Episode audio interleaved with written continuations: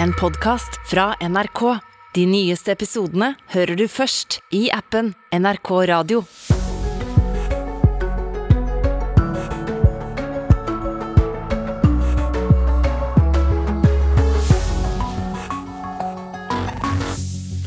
God morgen, her er vi. I Kina gjør president Xi alt klart for å få enda fem år på toppen av kommunistpartiet, og dermed på toppen av kinesisk maktstruktur. Flere tusen barn og foreldre rammes av streik i private, private barnehager i dag, ja, ikke minst foreldrene. Molde de sikret seg plassen på tronen i norsk fotball i går. Og dronning Sonja steget ned fra sin og besøker norske-amerikanere i USA. Helt fantastisk. Dette er jo bare jeg håper å si, Det er 17. mai og 17. mai mange ganger her i dag. Og vi regner med at dagen vår blir omtrent som hennes var i går. Bygge Kåsrud Jåsund og Ugo Fermarello sier velkommen til Nyhetsmorgen. Men vi begynner eh, med de som ikke føler 17. mai akkurat nå. Matsentralen de får 600 eh, 000 kroner mindre i støtte i forslag til nytt statsbudsjett. Og ifølge foreningen selv, som da altså sørger for at frivillige organisasjoner har mat å dele ut til vanskeligstilte, så betyr det kuttet at det vil gå ut 300 000 færre måltider til folk som trenger det. Stortingsrepresentant for Rødt, Mimir Kristiansson, han kritiserte regjeringen og påpekte at kun en uke før dette kuttet, så roste landbruks- og matminister Sandra Borch arbeidet til Matsentralen. Og hun, hun sier at det har vært tøffe prioriteringer med forslag til neste års statsbudsjett. En matpose fra oss er kanskje det som kan få uh, uka til å gå rundt for, for mange, og dessverre er det tallet økende. Og da, da, virker det veldig rart at det er, det er, hos oss man skal kutte. Landbruks- og matminister Sandra Borch sier det har vært tøffe prioriteringer i årets statsbudsjett. Så er det jo dessverre sånn i år at vi har nødt, vært nødt til å kutte i eh, de aller fleste organisasjoner. Og det blir, eh, ja, det blir, Vi går litt dypere i denne problemstillingen sånn eh, kvart ti over sju omtrent. Mens EUs utenriksministre møtes i dag, er eh, vår på plass i Georgias hovedstad Tiblisi. Etter møter der skal Anniken Huitfeldt til Armenia. Begge disse to landene er jo tidligere sovjetrepublikker, men har forskjellig forhold til dagens Russland, og hvordan påvirker det vårt? Anniken Huitfeldt, god morgen i Tiblisi. God morgen. Noe av det første du skal gjøre i dag, er å åpne den norske ambassaden offisielt. Den har vært på plass eh, i flere år, i en treårs tid. Hvorfor er det viktig for Norge å ikke bare anerkjenne Tbilisi og, og Georgia, for det har vi gjort siden det ble et selvstendig land igjen, men å være til stede? Det er kanskje enda viktigere nå, for dette er jo Europas randsone. Og Russland har jo okkupert to områder av Georgia. For dere har sikkert hørt om Sør-Ossetia og Abkhasia. Eh, og Der er det jo nå russiske soldater, så mange mener at dette var et slags sånn frampeik på det som vi har sett i Ukraina.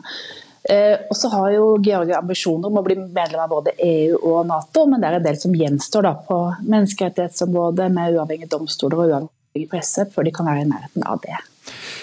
Eh, og, så er det jo også at det er en grensekonflikt på gang, og det er jo til hinder for medlemskap i, i disse organisasjonene. Eh, men Georgias ønske om å se vestover, om nettopp å, å, være en del av EU og Nato, eh, gjør det landet sårbart i, i den nye sikkerhetspolitiske situasjonen? Ja, det er jo veldig sårbart sårbart nå, men det som er viktig å huske på at de områdene som er okkupert av Russland Da har jo Russland nå mindre tilstedeværelse, for de bruker veldig mye kapasitet i Ukraina. Men allikevel så har Georgia sagt da, og uttalt seg at de ikke vil gå i militært og ta tilbake disse områdene fordi de ønsker en politisk fredelig løsning. Så Det er en veldig ansvarlig holdning, så de utnytter ikke situasjonen selv om Russland er mye svakere militært. Men det er jo viktig å få stabilitet i Europas randsone. Det er til syvende og også viktig for vår stabilitet. Så når du møter eh, din kollega, hva, hva er budskapet fra Norge? At vi støtter Georgia. De var jo veldig hjelpsomme da vi skulle evakuere våre soldater ut av Afghanistan. og Vi har opptrådt sammen med dem i flere internasjonale operasjoner. Og så er det også områder hvor de må foreta en utvikling. og Det er på henhold til frie medier og, uh, uavhengige domstoler og på menneskerettigheter. og Derfor skal jeg også møte representanter for, uh, for sånne frivillige organisasjoner som jobber bl.a. med menneskerettighetsspørsmål. I morgen Annike Huitfeldt, skal du til Armenia, som jo har derimot, eh, i motsetning til Georgia, et sikkerhetssamarbeid med Russland. Eh, så en helt annen situasjon. og Hvordan påvirker det Norges forhold? Jo, Det blir jo viktig. Det er sikkert folk som har hørt om Nagorno-Karabakh. og Det er jo et område da hvor eh, Aserbajdsjan og Armenia er veldig uenige. Og Derfor har jo Armenia fått eh, sikkerhetsgaranti fra Russland, og det har jo ikke Russland mulighet til å opprettholde nå, for de bruker jo alle ressurser i Ukraina. Og De har jo uttalt seg mer og mer kritisk mot Russland, og de har jo også stemt avstående, selv om de egentlig da er medlem av liksom, Russlands Nato, så har de stemt avstående i FNs generalforsamling forrige uke. Eh, her er det også viktig å støtte deres demokratiske vei. De sier at de ønsker å være et demokrati, men det er en del som gjenstår også i Armenia. Men er det ikke problematisk for Norge nettopp at Armenia er med i det du selv kaller Russlands Nato, da, et sikkerhetssamarbeid eh, med en stat som eh, da har angrepet Ukraina? Ja, det er det absolutt. Og, men husk at det er bare ett av de eh, andre landene som er medlem av den organisasjonen, som har stemt sammen med Russland i FN. Så det er jo flere og flere av disse landene som også vender seg mot Vesten, for de ser hva Russland holder på. Så det er jo en eh, slik at Hvis man måler oppslutninga om Russland i Armenia nå, så er jo den i fritt fall. Det er veldig mange flyktninger fra Russland, både i Georgia og i Armenia.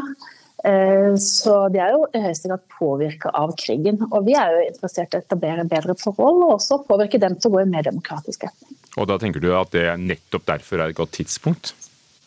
Jeg mener at det er viktigere enn noen gang å signalisere solidaritet med det georgiske folk, og også påvirke Armenia, som ønsker mer og mer kontakt med flere europeiske land. Takk skal du ha. Anniken Huitfeldt, utenriksminister på plass i Tiblisi, der klokken nå er eh, ja, åtte, halv ni omtrent.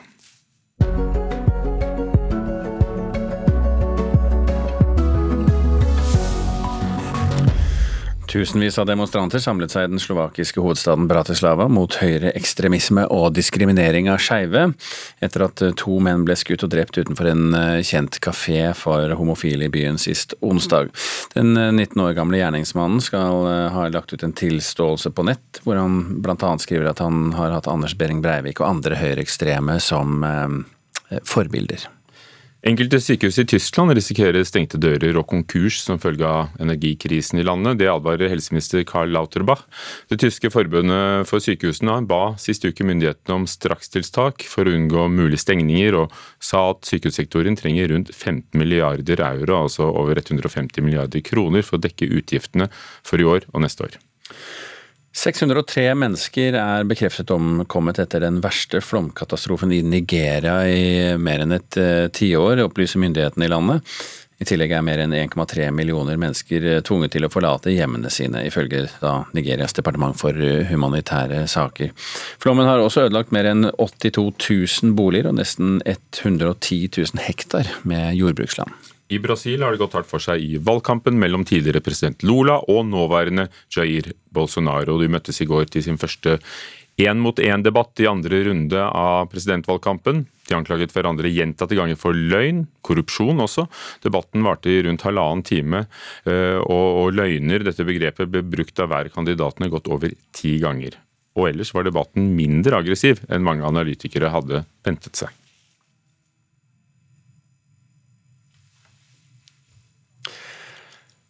Én person er omkommet og tre sendt til eh, sykehus etter at det brøt ut eh, brann i en bolig i Mjøndalen i natt. Nødetatene fikk melding om brannen ved midnatt omtrent, og reporter Hans Christian Rangnes, eh, kan du beskrive situasjonen nå? Jo, Det var altså bare noen få minutter før midnatt at brannvesenet og nødetatene fikk beskjed om en brann i en bolig i Mjøndalen. Det var kaotisk og mange personer på stedet da brannvesenet kom til denne firemannsboligen. De fleste som var inne kom seg ut på egen hånd, og brannen startet i andre etasje. Store åpne flammer som spredde seg til de andre enhetene i eh, boligen etter ganske kort tid. Eh, når brannvesenet kommer til stedet, så får de beskjed om at det muligens er en person igjen inne, og røykdykkere tar seg inn så fort som mulig. Der finner de en mann i 40-årene som dessverre er omkommet. De tre andre som ble sendt til sykehus for sjekk, skal det nå gå bra med. og Denne mannen i 40-årene er fra Stavanger-området og var på besøk i denne boligen. Men eh, mer info om han og hvorfor han var her, det har vi ikke nå. Jeg står her sammen med Hans Martin Paulsen, utrykningsleder i Drammensregionens brannvesen. Dere har jobbet på spreng gjennom natten. Hva er status eh, her nå? Ja, nå driver vi med etterslukking med vann, eh, stigebil eh, og termisk kamera. For å få mest mulig oversikt. Mm. Vi vet altså at denne brannen startet i andre etasje, men kan du si noe mer om, om brannårsak per nå? Det kan ikke jeg si noe om, det må noen andre svare på. Krimteknikere skal altså komme til stedet i løpet av eh, morgenen, men Hans Martin Paulsen, hva skjer her videre fra deres del nå? Nei, Vi fortsetter noen timer til eh, med etterslukking, eh, så vi blir her eh, ja, jeg vet ikke hvor mange timer, men i hvert fall noen timer til. Du var ikke her på stedet da, da dere først kom, men kan du fortelle litt om uh, tilstandene som, som, var her da? Nei, De har hørt at det var litt kaotisk, og det er jo helt naturlig at det er det i startfasen i en brann. Når det er sånne tilstander. Så ja, eh, Tusen takk til deg, Hans Martin Paulsen, altså utrykningsleder i Drammensregionens brannvesen. Så kommer det til å være mye aktivitet her på branntomta i de neste timene. Mm, det var Hans Christian eh, Rangnes, vår reporter, du hørte der. I Minneapolis i USA var det 17. mai-stemning hele dagen da dronning Sonja kom på besøk i går. Norsk-amerikanere i alle aldre har jobbet hardt for å holde både på det norske språket og på andre tradisjoner, som her i Minnekirken.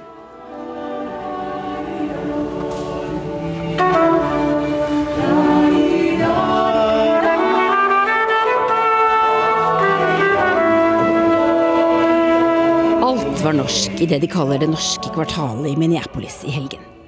Her har de ventet lenge på dronning Sonja, både for å feire fortid og framtid. 100-årsjubileet til den norske Mindekirken og åpningen av Norway House, en ny storstue for kultur og næringsliv. Gracia Grindal sitter inne i Den norske kirken hun har skrevet bok om, og venter på en dronning. Hva betyr det for deg at dronning Sonja har kommet hit i dag?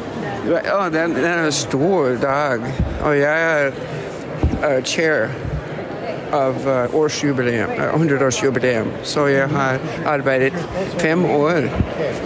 For, å få til det? Ja, for denne dag er, er hva vi har planlagt i mange år.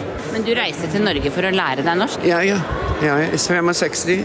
Maggie Morris er student og har kommet reisende fra en by et stykke unna i Gudbrandsdalsbunaden mormoren har sydd. Så du snakker norsk? Ja. Eh, not fluently, men ja. Klarer du å, å, holde norsken din gående? Ja, ja. jeg snakker med uh, søstera mi hjemme. Og jeg snakker hver sommer uh, ved Skogfjorden Concordian Language Villages. Har du lyst til å bo uh, litt i Norge en dag? Oh, ja, jeg har lyst til å gå til folkehøyskole for en som gap year uh, fra universitetet mitt. Utenfor Norway House er det norske flagg og tårevåte øyne når dronning Sonja kommer ut av bygningen. Ja, hvordan, hvordan vil dronningen oppsummere besøket sitt her så langt? Hvordan har det vært? Helt fantastisk. Dette er jo bare si, Det er 17. mai og 17. mai mange ganger her i dag. Hvor viktig tror dronningen det er å komme hit eh, og vise at man setter pris på det norske amerikanske miljøet som er her? Vi tenker kanskje at det er lenge siden nordmenn kom hit. Ja, men allikevel så lever jo tradisjonene og historiene lever. Det er det som er så fascinerende. Så det er jo, De vil jo også f.eks. på Wonderland med pepperkakebaking. Og det er jo veldig populært, har jeg skjønt. We are welcoming Her Majesty Queen Sonja, and we are so honored. Også en av Minnesotas mektigste politikere, den demokratiske senatoren Amy Klobuchar, er på plass. Hun har møtt dronningen før og blitt imponert. Crown, queen. It is literally the most perfect time. Uh, we have seen with the um, Russian and the Vladimir Putin invasion of Ukraine how delicate democracies are. Klobuchar forsøkte å bli presidentkandidat i 2020, men hun kan også andre ting. F.eks. å smelte noen spesielle drops for å lage fargede vinduer til pepperkakehus, forteller hun meg. We're going to try the uh, gingerbread uh, windows. Okay, very good. Wait, melting Jolly Ranchers. That is a true story. It was one of these pandemic activities. Norges dronning vil kanskje prøve det selv? Så Nato-en kom til meg med noen tips til hva Ja, man kunne ja, ja, hvordan man skal lage pepperkakehus. Ja, det kan kanskje jeg òg. Vi gjør det vi også hvert år. Mindekirken har i 100 år vært et sted amerikanere kan gå på norskspråklig gudstjeneste og gå på norskkurs i kjelleren. Gracia Grindal forteller at da kirken ble startet i 1925, skulle man liksom helst snakke engelsk i Minneapolis. Men i Mindekirken holdt de på sitt og det norske språket. De, var, de ville skifte til engelsk, men her ville de ikke. Spesialmeningen bare å snakke norsk.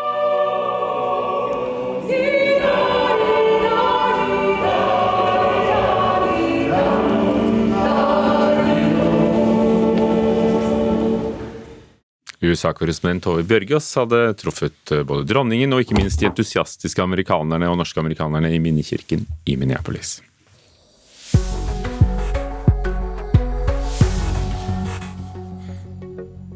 Klokken er nå passert kvart på sju. Vi hører på Nyhetsmorgen, og vi har følgende saker på topp i dag. Flere tusen barn og foreldre rammes av streik i private barnehager i dag. Det foregår eh, kraftige kamper i to byer i Donetsk-regionen, sa president Volodymyr Zelenskyj i sin eh, siste videotale i går. På morgentimene i dag så melder myndighetene om angrep eh, fra droner i hovedstaden Kyiv. Vi skal straks dit. Og Russlands invasjon av Ukraina og de økonomiske ringvirkningene har ført, til, har ført fire millioner barn ut i fattigdom i Øst-Europa og Sentral-Asia, ifølge tall fra FN. Og så var det da den eh, kinesiske presidenten Xi Jinping som holdt sin hovedtale på den store partikongressen til det kommunistiske partiet i eh, Kina i går. Og Kristin Dalen, eh, forsker i globale studier ved Fafo, god morgen. God morgen. Hva var det viktigste momentene i talen, syns du? Jeg tror det, det var jo eh, mye fokus på sikkerhet og stabilitet. Eh, så det var det vi kan ta med oss. Ellers så var han jo innom en del. Dette er jo en arbeidstale, så han oppsummerer litt av hva som har skjedd de siste fem årene, og så peker den litt på hva det som skal skje fremover i de neste fem årene.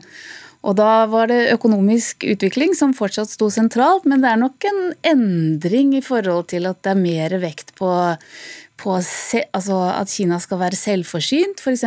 Teknologi skal utvikles i Kina, og det er jo en tilpasning til en mer usikker verden ute. Mm, De eh, har jo i Kina vært veldig strenge når det gjelder covid og har låst ned store deler av landet, eh, avhengig av hvor smitten er til enhver tid. Eh, Er det lærdom fra det eh, han eh, tar eh, inn i talen her?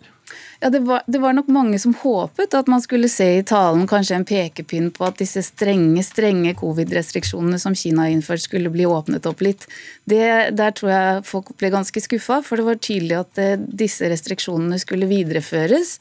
Og det ble lagt vekt på at dette var en sikkerhet for folks liv og helse, at man fortsatte med disse covid-reglene. Så, så det, nok, det, det ble nok ikke noe endring med det aller første. Sa han noe om eh, Russland- eh, Russland-Ukraina-krigen? Nei, han sa ikke det. det ble, krigen i Ukraina ble ikke nevnt spesifikt i talen. Dette er jo først og fremst en innenrikspolitisk eh, tale, men det, man kan jo eh, bite seg merke i at verken USA eller Ukraina ble nevnt med navn. Hvordan tolker du det? Nei, jeg vet ikke. Jeg tror kanskje at det er, er jo en at man er forsiktig, da. Man vil ikke gå ut sånn veldig hardt og snakke om det. USA ble nevnt gjennom det man kaller kaldkrigsmentalitet, hvor eh, Xi Jinping liksom la vekt på at man Ble, ble, ble de nevnt, eller ble de Nei, nei, nei? Nei, de ble ikke direkte nevnt. Men det er jo en måte å snakke om rivaliseringen med USA, er å snakke om en kaldkrigsmentalitet. Hva med Taiwan? Ja, Taiwan ble jo absolutt nevnt. Det var jo et tydelig poeng at eh, denne, eh, denne At Taiwan skal bli en del av Kina er et endelig mål, og det skal skje uansett. Nå var det eh, da ble det gjort ganske tydelig at man skulle prøve å finne alle mulige andre løsninger enn en militær makt, men det ble gjort tydelig at hvis ikke man fikk det til på annen måte, så, så sto man ikke av å bruke militærmakt for å få Kina og Taiwan sammen igjen. Og, og denne talen var jo eh, Hva skal vi si? Eh, overraskende kort. Ja, det var egentlig det. Eh, det var, Knappe to timer. Ja, 1 time og 45-47 minutter, kanskje. Det var jo betraktelig kortere enn den som han hadde for fem år siden, som varte i tre og en halv time. Mange sier at det at talen er kortere, eh, også tyder på at Xi har, eh, har sementert makten rundt seg. At han ikke trenger å bruke veldig lang tid på å snakke om ting som kan gjøre alle fraksjoner innenfor partiet eh, fornøyd. Mm. Så da er det, er det, nok et tegn på at han, eh, at han, har makten der han har lyst til å ha den. Så hvis vi skal oppsummere øh, og, og, tolke den talen som kom i natt, øh, sett fra vestlig synspunkt der vi selv befinner oss, hvordan vil du si at vi skal tolke den? Nei, jeg, jeg tror det var Det ble gitt tydelige tegn om at Kina ville på en måte fortsette på den veien de har. Eh, Kina ønsker å gjøre seg selv mindre avhengig av Vesten ved å sikre egne forsyninger både når det gjelder mat, teknologi, energi. Eh, så jeg tror at man skal tolke det som om Kina liksom eh, fortsetter å prøve å gjøre seg selv mer uavhengig fra verden, samtidig som det var tydelig i talen at Kina skulle ha et, en åpen markedsøkonomi og ville være del av et internasjonalt samfunn, f.eks. når det gjelder å nå klimamålene. Mm, så det er ikke noe stormløp inn i globaliseringen, med andre ord? Ikke, ikke nei. Nei, ok.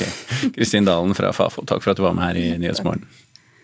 I går ettermiddag ble det klart. Molde er seriemester i Eliteserien i fotball for femte gang etter 0-1-seier eh, over Lillestrøm på Åråsen i går kveld. Og så er det fire serierunder igjen, eh, men likevel, eh, det er allerede klart at det er ingen som kan ta igjen moldenserne. Der kommer ballen! Hussain er alene med keeper! Hussain skårer! Molde vinner! 1-0 på Åråsen! Molde er seriemester 2022! Ja, det var gøy å skåre, i hvert fall foran fansen. De har vært helt fantastiske. Da har du fire seriegull med Molde nå, stemmer det?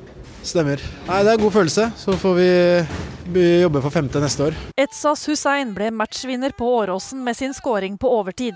Tittelen kommer etter en meget sterk sesong der Molde har vunnet 21 av 26 kamper. Bortelaget dominerte store deler av oppgjøret mot Lillestrøm på Åråsen i går, og kampens eneste mål kom altså på overtid etter svakt Lillestrøm-spill, som sendte Molde rett i angrep. LSK-målvakt Mats Hedenstad var svært skuffet. Man mister det bare litt. Det, det, nei, det er så dumt av oss. Og det er fryktelig seigt å slippe inn eh, på overtid der. Eh, det siste som skal skje, er at den ballen svinges inn, men eh, vi spiller en kort istedenfor å miste ballen. Det er Sånne feil skal vi ikke gjøre hvis vi skal være med å kjempe i toppen. I Molde-leiren derimot var humøret på topp, og trener Erling Mo er stolt av nok en gang å få være med å oppleve et seriegull med klubben. Det er, det er det største du kan vinne i Norge. Så det er liksom eh, helt fantastisk. Vi har hatt et år som, eh, hvor eh, vi har slitt med mye skader. Nøkkelspillere ute. folk har tatt steg. laget har vokst. Individet har vokst. Og da er det fantastisk når vi, vi kan dra ned. Og vi gjør det på første, første forsøk, så det kan ikke gjøres bedre. Molde, seriemester i Eliteserien, altså reportere var Jørund Wessel Karlsen og ikke minst Hilde Liengen. Fra en suksess til en annen, og da vil jeg påpeke at jeg snakker om TV-serien her, ikke innholdet. Netflix-serien Damer, Monster, The Jeffrey Dahmer Story, kom ut for bare en måned siden, men har allerede rukket å bli en av de største suksessene til eh, strømmegiganten Netflix. Og det gir selvfølgelig også utslag i interessen for effekter knyttet til dette her, Adan Tassama. Ja, for eh, det nærmer seg jo halloween uh, på slutten av måneden, og mange på nettet har da valgt å sko seg på den store interessen som er for uh, denne serien. Det melder iallfall underholdningsnettstedet TMC. De viser til at auksjonsnettsteder som eBay har i dag en rekke etterligninger av eh, ting Jeffrey Dahmer var kjent for å bruke, bl.a. de ganske så kjente brillene hans etter hvert, og kopier av de her korterma skjortene som han ofte ble sett med.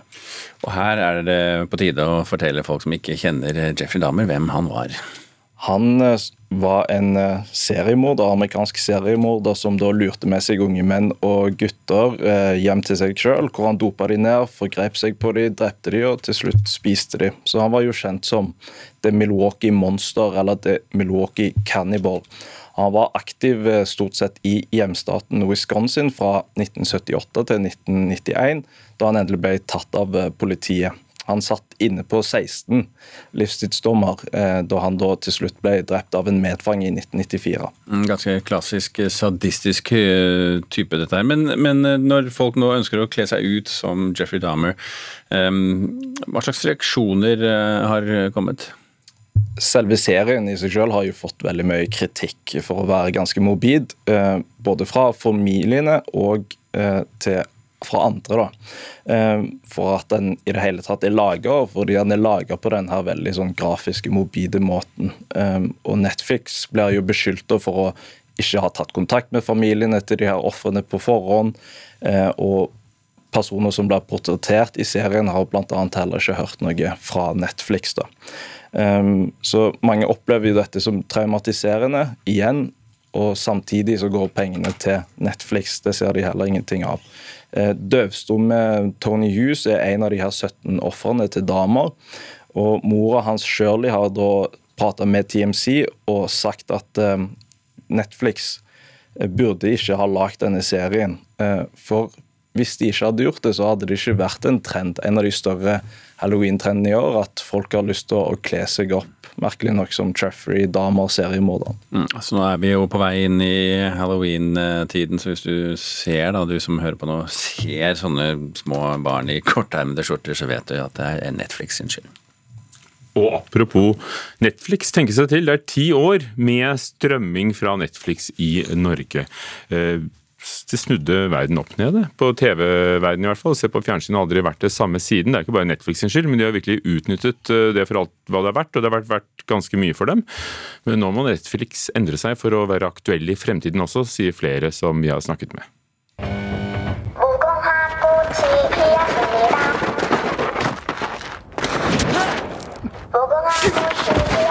Serien Squid Game har vært Netflix sin største suksess. Nesten 1,7 milliarder timer har vi brukt på å se sørkoreanere leke dødelige barneleker. Gjennom årene har Netflix brukt algoritmer for å hjelpe deg og meg til å bestemme oss hva vi skal se på. Strømmegiganten har endret mye de siste ti årene. Ja, For publikum så har det gjort at vi har fått mye mer innhold å velge i, særlig når det gjelder drama og serier. Og at vi også har fått mye større valgfrihet i når man vil se ting. Jeg tror nok Netflix vil bli kobla til ideen om binge-watching, og at du selv skal velge. Sier medieforsker Vilde Skanke Sunde. Men har Netflix endret mediehverdagen til folk, spurte vi folk på gata. Ja, det har jo absolutt det. Vi bruker jo nesten ikke vanlig TV lenger i det hele tatt. Det er jo kun strømmetjenester det går i. Jeg ser jo stort sett bare på strømmetjenester, da. Veldig lite lineær-TV. Men i dag konkurrerer de med både lommeboken og oppmerksomheten vår med mange andre. Eh, Amazon, altså Prime Video blir det vel. Viaplay og HBO. Disney pluss, Paramount pluss. Konkurrenter har likevel valgt å gå bort fra binge-publisering som f.eks. Amazon Prime og HBO Max, sier Håkon Lund Sørensen, rådgiver for TV og strømming i NRK. Sett fra et forretningsmessig ståsted da, så er jo det god butikk, fordi det handler om å få folk til å abonnere på strømmetjenesten din fra en måned til den neste. Eh, og har du binge-publisert disse store, tunge, dyre seriene, eh, så kan du jo som bruker ha konsumert de i løpet av en måned, og så hoppe videre til et annet eh, abonnement. Likevel er det fremdeles Netflix flest sverger til. Det er vel nå over 60% av befolkningen eh, som svarer at en i husstanden har et Netflix-abonnement. og så I tillegg så kan det være noe deling eh, imellom der. Jeg tror vi kan si at nesten eh, tre av fire nordmenn har tilgang på Netflix på en eller annen måte. Eh, og det er det ingen av de andre strømmetjenestene som er i nærheten av. Konkurransen har ført til hardt press, men dette har også vært positivt for innholdet, mener Skanke. Det har jo også åpnet eh, for mange nye samarbeidspartnere og for den uavhengige produksjonsbransjen. Så de har jo fått mange flere bestillere av innhold. Og det kan vi jo bl.a. se på hvor ekstremt mye mer norske dramaserier som lages i dag i forhold til for ti år siden. Strømmegiganten har i det siste slitt med lav vekst, og ser på tiltak for å holde seg relevante også i fremtiden. En av de tingene som de vurderer, det er jo også å lansere noen billigere abonnentstyper som er delfinansiert av reklame. Og Det gjør jo at det selskapet endrer noe av sin DNA eller sin identitet hvis de også nå skal gå inn i reklamemarkedet. Og hvis vi skal spekulere litt lenger, så vil jo det også selvfølgelig ha masse å si for annonseringsmarkedet. Netflix også har snust på, som mange andre globale strømmeselskaper, å gå inn i gaming f.eks., for, for det jo også er veldig stort i strømmemarkedet. Til tross for alt dette er det sannsynligvis noe som vil være like viktig for publikum om ti år som i dag. Og det er å sette seg ned i sofaen og slappe av og ha en virkelighetsflukt. Men uansett så ønsker vi å gjøre det i en sånn avslappa modus. Reportere var Kristin Sverre Østensvik og Lars-Erik Eidsgaard Ringen. Og i Arena klokken 15 på P2 ettermiddag handler det mer om Netflix ti år i Norge. Tenke seg til. Drivkraft i NRK P2. Etter fem år som Midtøsten-korrespondent er Sissel Wold tilbake i Norge igjen. Det er ingen lett overgang, særlig ikke når det brenner i Iran og det er krig i Europa. Drivkraft med Vegard Larsen. I dag klokka 11 i NRK P2. God morgen fra NRK Dagsnytt, klokka er sju. Flere tusen barn og foreldre blir ramma av streiken i mange private barnehager i dag. 1000 ansatte er i streik, og fagforbundene deres varsler opptrapping av konflikten allerede torsdag. I Fjordbyen barnehage i Oslo blir dagene helt annerledes, sier styrer Anette Gunderhuset. Her blir det to avdelinger som stenges, eh, og så blir det barnepass for to avdelinger. Halvparten av de 68 ungene i Fjordbyen barnehage i Oslo må være hjemme i dag. Og dem som får komme, får et helt annet tilbud enn til vanlig. At det ikke blir noe opplegg, det blir på en måte bare tilsyn av barn. Drøyt 1000 medlemmer i Utdanningsforbundet, Fagforbundet og Delta er altså tatt ut i streik pga. en konflikt om pensjon. Ansatte i til sammen 112 barnehager, organisert i Private barnehagers landsforbund, er tatt ut i streik. Karl Sjølander og kona Andrea er to av foreldrene i Fjordbyen barnehage, som i dag ikke har noe tilbud der. På veldig kort sikt så har vi litt tur. Min mamma er her, så vi har litt hjelp for å få dagen til å gå i hop. Men det er klart om det holder på over veldig lang tid, så blir det litt jobbig. Reportere Kjartan Røslett og Marit Sirum Eikre. Tre eksplosjoner har rammet Ukrainas hovedstad Kyiv i dag. En talsmann for presidenten i Ukraina skriver på sosiale medier at eksplosjonene skyldes et russisk angrep med droner. Ordfører Vitalij Klitsjko sier ifølge nyhetsbyrået Reuters at flere boligbygg i sentrum av Kiev er truffet. Utenriksminister Anniken Huitfeldt besøker Georgia i dag. Russland har okkupert deler av den tidligere Sovjetrepublikken, som ønsker å bli medlem av både EU og Nato. Dette er Europas randsone, og Russland har jo okkupert to områder av Georgia. Dere har sikkert hørt om Sør-Osetia og Abkhasia. Eh, og Der er det jo nå russiske soldater, så mange mener at dette var et slags frampek på det som vi har sett i Ukraina. Eh, og så har jo Georgia ambisjoner om å bli medlem av både EU og Nato, men det er en del som gjenstår da på menneskerettighetsområdet med uavhengige domstoler og uavhengig presse, før de kan være i nærheten av det. Matsentralen får mindre penger i forslaget til statsbudsjettet for neste år, samtidig som de opplever en rekordstor pågang. Foreningen sørger for at frivillige organisasjoner har mat å dele ut til vanskeligstilte. Ifølge Matsentralen betyr kuttet på 600 000 kroner at det ikke kan gi 300 000 færre måltider til de som trenger det. Landbruks- og matminister Sandra Borch sier de aller fleste organisasjoner får kutt i støtten neste år og en mann i 40-åra mista livet i en brann i en kommunal flermannsbolig i Mjøndalen i Buskerud i natt. Tre personer er kjørt til sykehus, sier politiet, og årsaken til brannen er ikke kjent. Det var NRK Dagsnytt, i studio Jon Branes.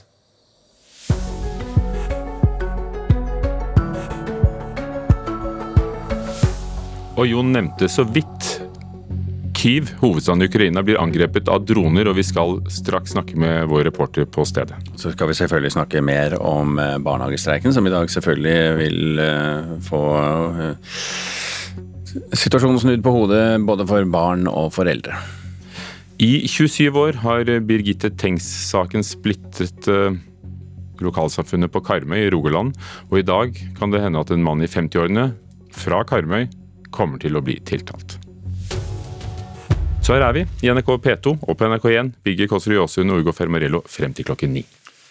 Nøyaktig en uke etter at russerne angrep på den uh, ukrainske hovedstaden Kyiv, har det i morgentimene nå vært uh, eksplosjoner. Reporter Charlotte Bergløf uh, med oss fra Kyiv, Hva er siste nytt? Luftvernsirenene gikk i sekstiden i morges, og rett etter at vi kom ned i bomberommet, denne garasjen dere ser, for dere som ser på oss eh, på TV, som vi befinner oss i nå, så hørte vi de første eksplosjonene. Vi har fått beskjed om at det har vært eh, tre eksplosjoner så langt. De skal ha skjedd ganske sentralt her i Kiev, om lag tre-fire kilometer eh, unna fra der vi er nå. Så, så, du er åpenbart i dette bomberommet, det hører vi jo på, på lyden. Hvem andre er der? Bomberommene rundt omkring i byen oppsøkes nå av folk eh, som også er på vei til jobb. Så her sitter jo de som bor på hotellet, og så har vi da fått eh, besøk også av flere som, som var på vei til jobb da, da, dette begynte. Og tidligere så har man jo gått videre, ikke nødvendigvis tatt hensyn til disse luftvernsirenene fordi det har vært så mange måneder med ro, men etter forrige mandags eh, angrep og dagens oppfordringer her i byen også fra ordføreren om å nå søke tilflukt i bomberommene, så kom kommer det stadig flere ned hit til oss her også. Og så er det bare en uke siden russerne igjen slo til mot hovedstaden som et uh, svar på bombingen av Kertsbrua uh, fra Krim. Hvordan uh, reagerer egentlig folk nå på at de er mål igjen? Ukrainerne er illsinte. Man eh, merker et eh, veldig stort raseri og også mye hevntanker. De er eh, sinte over at russerne nå går løs på sivile mål. At det er veldig vilkårlig, føles det som her på bakken, hvor det treffer. Så det er først og fremst en stor mobilisering, en fortsatt mobilisering og kampvilje, egentlig, som blir resultatet av, av disse nye angrepene. Men eh, Russlands president Vladimir Putin sa jo på fredag at det nå ikke var behov for flere massive angrep i eh, Ukraina nå. Er det noen i Ukraina som tror på det? Det er få ukrainere som tror på noe av det som eh, Putin sier. Han spiller et spill. De forsøker å forstå hvilken taktikk og logikk som ligger bak de ulike utspillene som kommer fra han eh, med jevne mellomrom. Eh, det de sier nå etter den siste ukens hendelser, er jo at man må være obs på at man er ikke nødvendigvis trygg noe sted. Man har hatt en opplevelse av at man kanskje har vært mer trygg i Vest-Ukraina, i byer som Lviv og Kiev de siste månedene, men at nå er situasjonen igjen den at hele landet føler føles som om det er under angrep, og man er veldig usikre på hva neste steg er. Det mange snakker om, og som det har vært mye snakk om de siste ukene, er jo denne atomtrusselen som mange går og føler på, om det skal bli brukt enten atomvåpen, eller om det vil skje noe ved et av atomkraftverkene rundt omkring i landet. Og så hørte vi jo president Volodymyr Zelenskyj i går si at det pågår kraftige kamper i byene Solidar og Bakhmut i Donetsk-regionen. Hvordan eh, reagerer folk i Kyiv på det?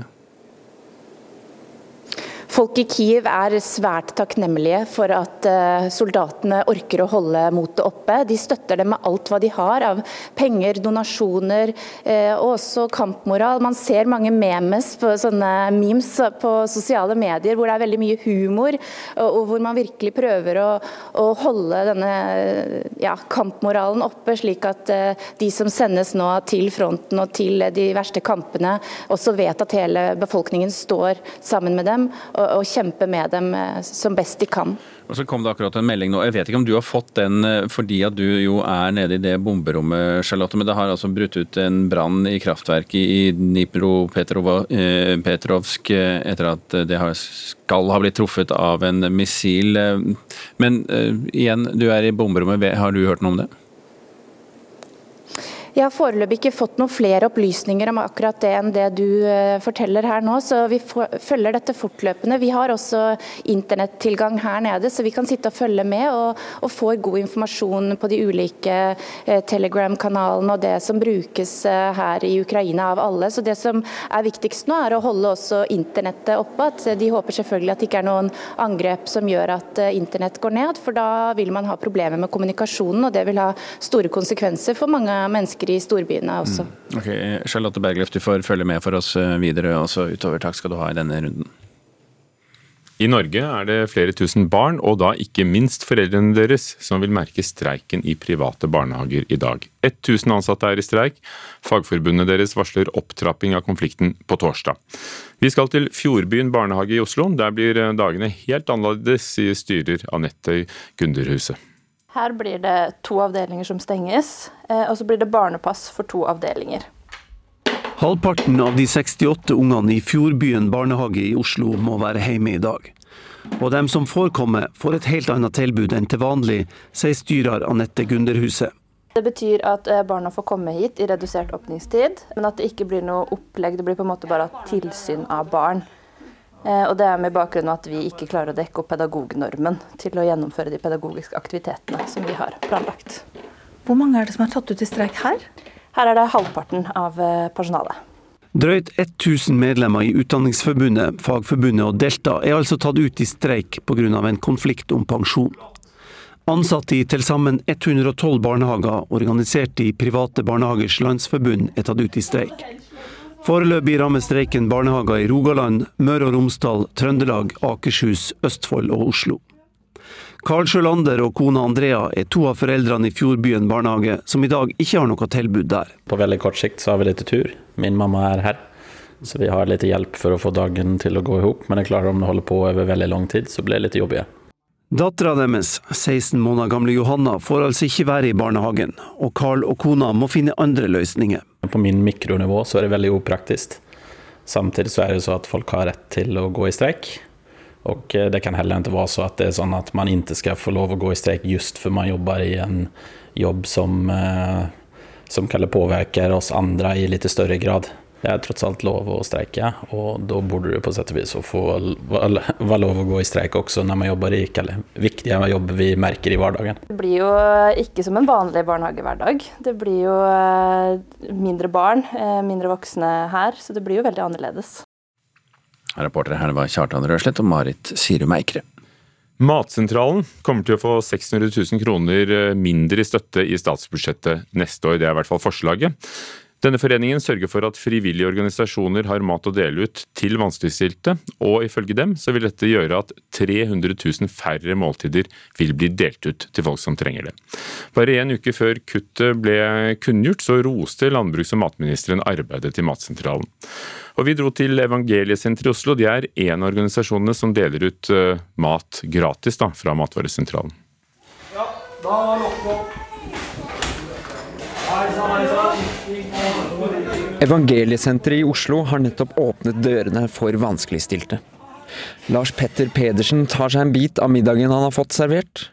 Han kommer hit to ganger i uka og får seg en matbit, snakker med folk og får seg en pose med varer som han tar med seg hjem. Han sier det er galskap hvis Matsentralen, som sørger for maten han får, blir kuttet i statsstøtte. Er, eh, vi, som, vi lever på trygd, ikke sant? og vi har jo ikke råd til å gå i butikken og kjøpe mat. Så vi er dønn avhengig av sånne steder som dette her. da.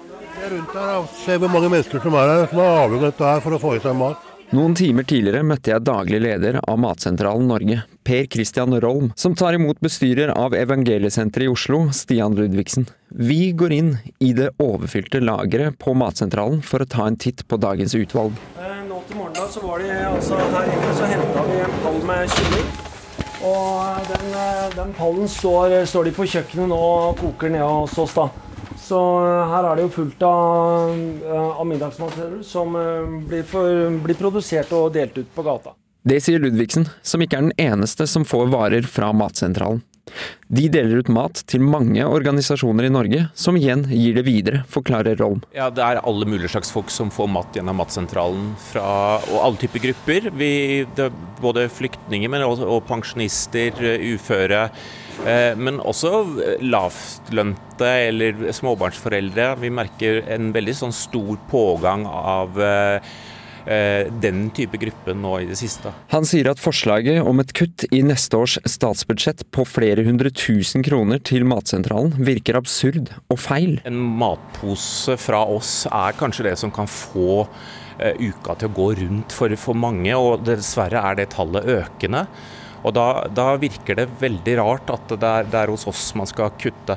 En som er enig med Rolm i at dette kuttet er feil, er Mimir Kristiansson i partiet Rødt. Han reagerer også på at bare en uke før kuttet ble lagt frem, roste landbruks- og matminister Sandra Borch Matsentralen for deres arbeid. Jeg syns det er direkte flaut at vi har en regjering som først reiser rundt og roser tilbud som Matsentralen og legger ut bilder i sosiale medier, for så etterpå å kutte det i bevilgningene. Borch sier det har vært tøffe prioriteringer i årets statsbudsjett. Det har vært eh, nødvendig å foreta kutt i budsjettet på flere områder, bl.a. tilskuddet til frivillige organisasjoner. Hun besøkte Matsentralen på FNs matsvinndag. Dette er også et felt hvor Matsentralen gjør en viktig jobb, sier hun. Det må jo være naturlig for en landbruks- og matminister å besøke organisasjoner som får støtte over statsbudsjettet. Matsentralen får enda støtte. Jeg er avhengig av de små kronene, som, så jeg putter dem på et glass hjemme. Da. Så til slutt har jeg kanskje råd til et par rundstykker. Da. Det er litt stusslig. Men, men vi, er jo vi er vant til det, da, så vi, vi kan ikke klage. Så lenge vi har et sånt sted som dette her, så er jo dette helt utrolig.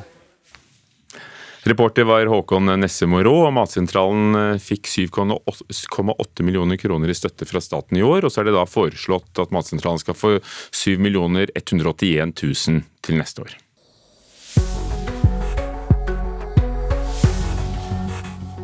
Akkurat um, der er klokken eh, kvart over eh, sju. Du hører på Nyhetsmorgen, og vi har følgende saker på topp i dag. Flere tusen barn og foreldre rammes av streik i private barnehager i dag. På morgentimene i dag så melder også ukrainske myndigheter om angrep fra droner i hovedstaden Kiev. Og Russlands invasjon av Ukraina og de økonomiske skadevirkningene har ført fire millioner barn ut i fattigdom i Øst-Europa og Sentral-Asia, ifølge en ny FN-rapport. I 27 år har drapet på 17 år gamle Birgitte Tengs i 1995 eh, splittet lokalsamfunnet på Karmøy i Rogaland. I dag skal påtalemakten avgjøre om de eh, tiltaler en mann i 50-årene fra Karmøy. I utgangspunktet så er det en stygg drapssak, og det er en vanskelig sak hvor en må begynne med detaljer på alle områder. Slik ordla politiet seg dagen etter at 17 år gamle Birgitte Tengs ble funnet drepen. Hun ble sist sett i live natta den 6. mai 1995, da hun gikk inn i en bil i Kopervik sentrum i Karmøy. Fetteren til Birgitte tilsto først drapet og ble dømt i tingretten. Så trekte han tilståinga og ble frikjent i lagmannsretten. Påtalemakta er nå klare på at fetteren ikke lenger er mistenkt for å stå bak drapet. I året etterpå har det kommet jevnlige krav om ny etterforskning, og i 2016 oppretta Kripos ei Cold Case-gruppe med Espen Erdal som leder. Birgitte-drapet ble første sak. Det har vært utvikling innenfor eh, teknologi, innenfor etterforskningsmetodikk, og det har en verdi å se på en slik sak med nye øyne. Gjennombruddet kom i 2019, da et laboratorium i Østerrike fant DNA-spor på ei strømpebukse til Birgitte. DNA som samsvarte med en mann tidlig i 50-åra fra Karmøy. En mann som politiet var tipset om, som hadde vært avhørt to ganger, som hadde vært i nærleiken drapskvelden, men som politiet valgte å se vekk fra. Han ble arrestert 1.9. i fjor og har siden sittet i varetektsfengsel. I dag skal påtalemakta fortelle om de har nok bevis til å tiltale mannen. Skjer det, starter rettssaka den 31. oktober. Det sa vår reporter Ingvald Nordmark. Bjørn Olav Jahr, journalist og forfatter av boken 'Hvem drepte Birgitte'?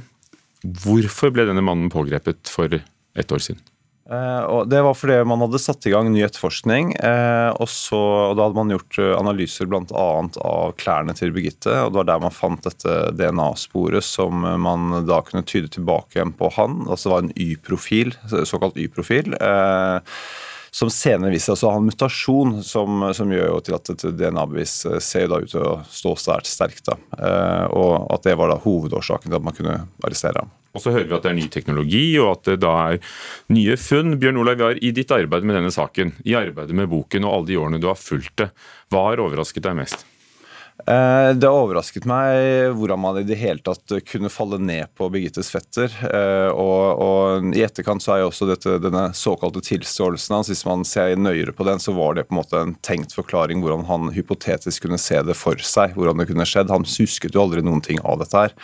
Eh, så, men, men det som har overrasket meg i etterkant, da, er hvor hvor vanskelig det har vært for folk å på en måte gi slipp på ham. da. Eh, han har jo sånn gradvis blitt mer og mer renvasket, men han jo en, har jo også hatt en sivilrettslig dom hengende over seg så, som har stigmatisert ham voldsomt. da. Eh, hvor, om å betale erstatning til foreldrene, som han tok helt i Menneskerettighetsdomstolen i Strasbourg. Ja, ikke sant? Og der hvor står den saken nå? Der, den, den står jo der fortsatt. så Paradoksalt nok så kan man jo nå ende opp med at man har en mann som er dømt sivilrettslig for drapet, og så kan man få en mann dømt straffer strafferettslig strafferettslig for drapet. og Det vil jo virke helt absurd. Eh, så, så, det jobbes jo nå med å få løst opp i. da, så Jeg vil tro at det kunne være snakk om tid før den sivilrettslige dommen faller. da. For han fikk medhold i Strasbourg?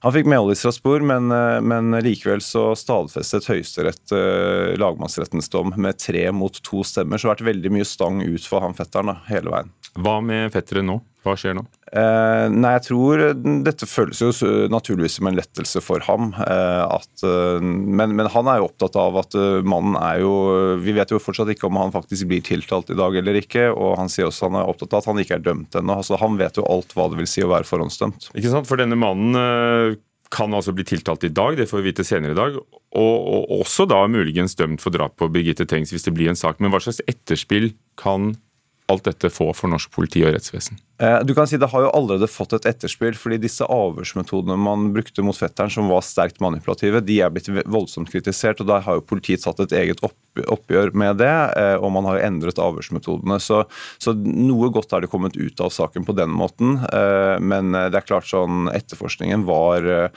under, var på lavmål. Altså. Og, og, det er klart det ville være naturlig å foreta en granskning av hele saken. Men du snakker om avhørsmetodene. Var den på lavmål i denne saken, eller var det avhørsmetoder som ble brukt på midten av 90-tallet? At det var sånn det foregikk? Ja, det foregikk nok, men jeg, jeg vil ikke tro at det foregikk sånn i alle saker, får jeg håpe og tro. Men, men, det er klart man hadde en helt annen innstilling til, til når man satt og avhørte folk. Man så for seg at man hadde fasiten, og man skulle bare få den bekreftet. Så, så hvor viktig tilståelsen var i den saken her, for de hadde jo selvfølgelig ingenting annet på fetteren, eh, og da blir jo tilståelsen svært viktig, men en tilståelse kan være rimelig skjør, da. Eh, nå er man i det motsatte tilfellet. Denne mannen har jo ikke tilstått, men, eh, men man sitter med tekniske bevis. Eh, det er nok å foretrekke. Etter det du vet, hvordan vil det som skjer nå påvirke lokalsamfunnet? Vi har jo hørt om hvordan Birgitte Tengs-saken har, har sådd splid. Ja, ikke sant. Det var jo veldig sånn uh, Enten trodde man fetteren var skyldig, eller så trodde man ikke var skyldig. Da jeg skrev min bok og kom ut med den i 2015, så var jeg veldig opptatt av at folk måtte heve perspektivet noe. da, altså Prøve å tenke seg at forestille seg at fetteren ikke kan ha noe med dette å gjøre. og Derfor så kalte jeg jo boken liksom, 'Hvem drepte Birgitte Tengs?' Jeg var opptatt av å, av å, finne ut hvem det kunne være. Uh, eller i hvert fall åpne opp for at det, i hvert fall være tydelig på at det ikke er han. da.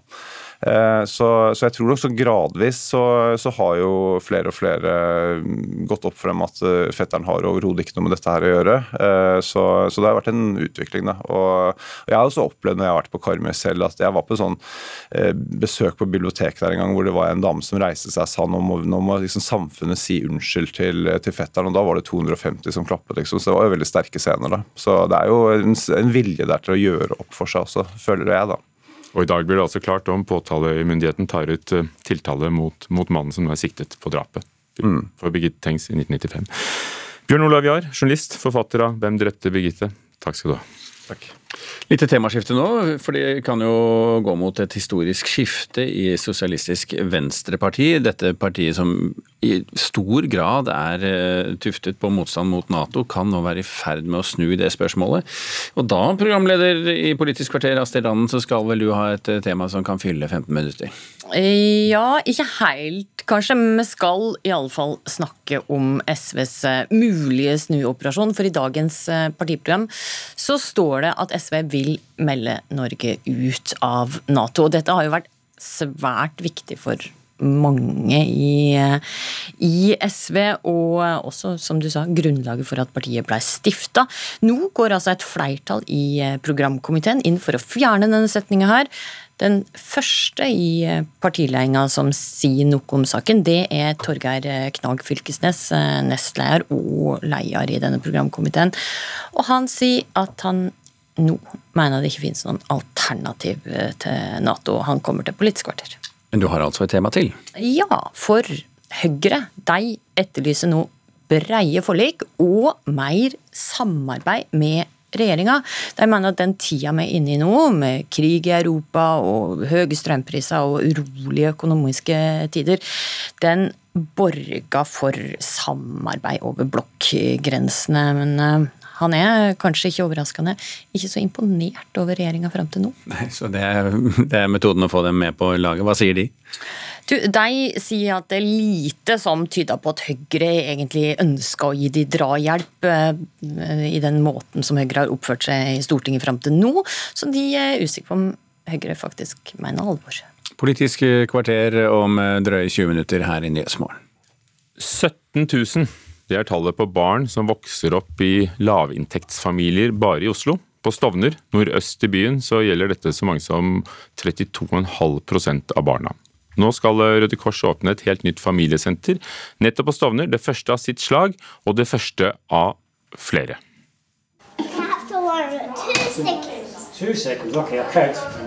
I dag er det tre år gamle John som serverer pappa James dagens kaffe.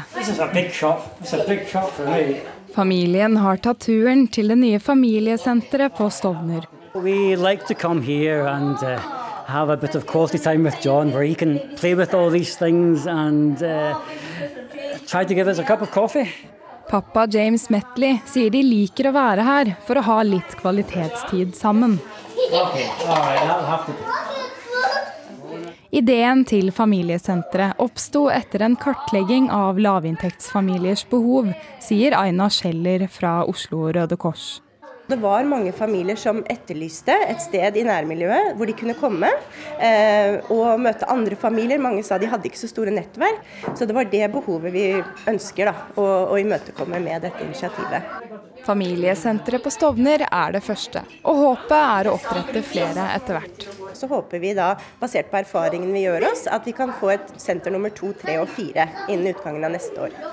Liker du fisk? Så er det tid for middag i huset i tante Ulrikkes vei, og da spiser alle sammen. Frivillig på senteret, Naima Hibot, mener måltidet kanskje er det aller viktigste. Du skal Ja, hun fikk ikke lov til å si så mye før vi nappet mikrofonen bort fra henne. Reporter var uansett Live Wold. Husker du langrennsløperen Astrid Urenholt Jacobsen?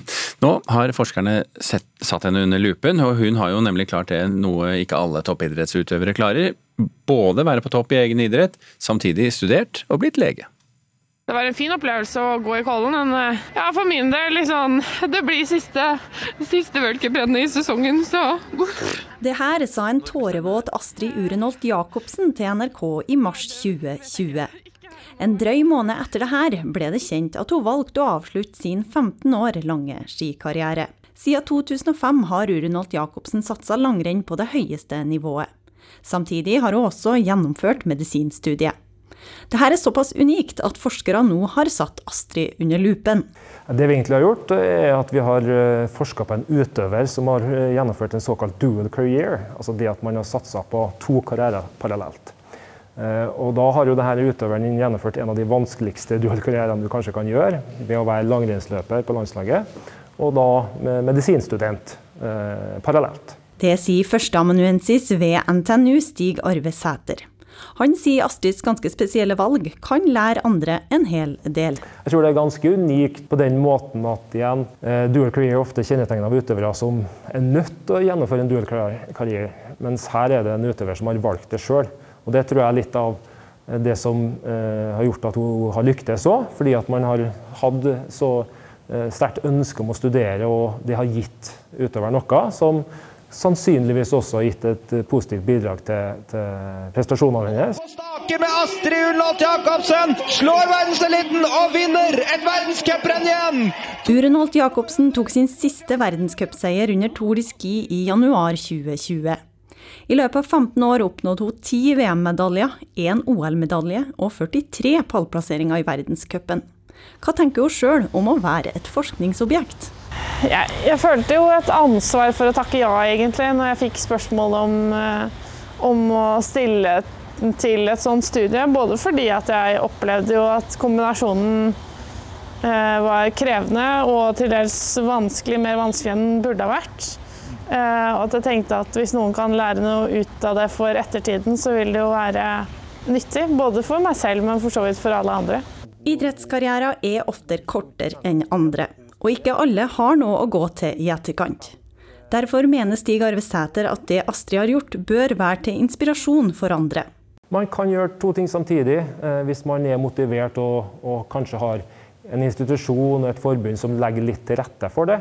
Man har i senere tid også hatt eksempler på utøvere som eh, har uttalt at de kanskje angrer på at de ikke tok studier underveis, men som naturlig nok kan forklares av at det her er tross alt ganske krevende. For Urenholt Jacobsen selv har overgangen fra idretten til vanlig yrkesliv vært fint. Det er en luksus å begynne med noe hvor man er den dårligste, på en måte den som kan minst.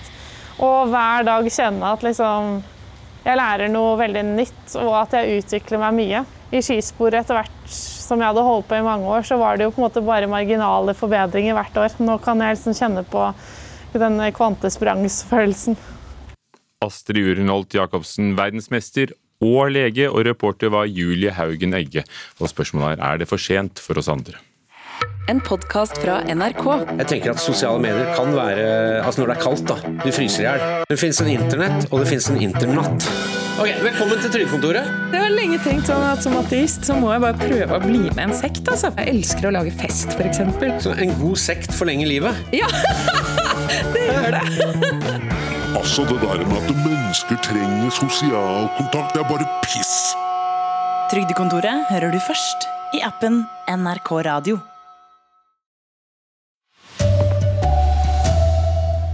Forening som gir mat til trengende, får kutt i statsbudsjettet. En matpose fra oss er kanskje det som kan få uka til å gå rundt. Kiev er truffet av nye russiske luftangrep. Og flere tusen rammes av streik i private barnehager i dag. Morgen fra NRK Dagsnytt, klokka er 7.30. Og vi begynner med foreningen Matsentralen, som får mindre penger i forslaget til statsbudsjettet for neste år, samtidig som de opplever en rekordstor pågang. Foreningen sørger for at frivillige organisasjoner har mat å dele ut til vanskeligstilte.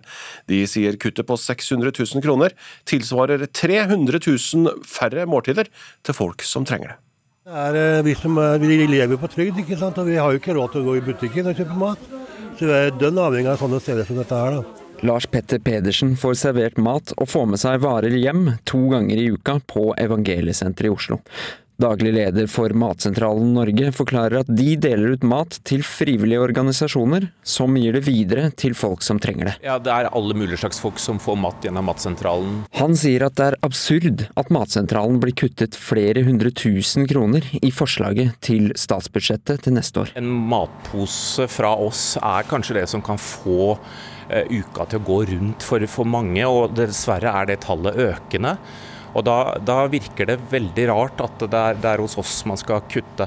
En som er enig med Rolm i at dette kuttet er feil, er Mimir Kristiansson i partiet Rødt. Han reagerer også på at bare en uke før kuttet ble lagt frem, roste landbruks- og matminister Sandra Borch Matsentralen for deres arbeid. Jeg syns det er direkte flaut at vi har en regjering som først reiser rundt og roser tilbud som Matsentralen og legger ut bilder i sosiale medier, for så etterpå å kutte i bevilgningene. Borch sier det har vært tøffe prioriteringer i årets statsbudsjett. Hun besøkte Matsentralen på FNs matsvinndag. Dette er også et felt hvor Matsentralen gjør en viktig jobb, sier hun. Det må jo være naturlig for en landbruks- og matminister å besøke organisasjoner som får støtte over statsbudsjettet. Matsentralen får enda støtte. Og så er det jo dessverre sånn i år at vi har nødt, vært nødt til å kutte i de aller fleste organisasjoner. Så lenge vi har et sånt sted som dette her, så er jo dette helt utrolig. Reporter her Håkon Nesse Morå. Russlands invasjon av Ukraina har ført fire millioner barn ut i fattigdom i Øst-Europa og Sentral-Asia, ifølge FN. Tallet på fattige barn har økt med 19% siden i fjor, ifølge en studie som omfatter 22 land. De økonomiske skadevirkningene av invasjonen har ramma russiske og ukrainske barn hardest. Og I dag tidlig har det vært flere eksplosjoner i Ukrainas hovedstad. Ifølge en talsmann for presidenten kommer de av nye russiske droneangrep. Og reporter Charlotte Bergløff direkte fra Kyiv, hva er det du vet? Eh, Luftvernsirenene gikk eh, rett etter klokken seks i dag, og da fikk vi først beskjed om at det hadde gått tre, eksplosjoner, tre eksplosjoner. Eh, hadde skjedd, og Så har vi også hørt flere selv. Vi sitter nå nede i bomberommet på hotellet. For de som ser på oss på TV, så er det garasjen som fungerer som det. Og Fra denne garasjen har vi også hørt flere drønn nå de siste minuttene. Og Vi vet så langt at det er bl.a. selvmordsdroner som er i bruk i dag. Det er altså bare en uke siden eh, dette russiske angrepet mot eh, flere ukrainske byer.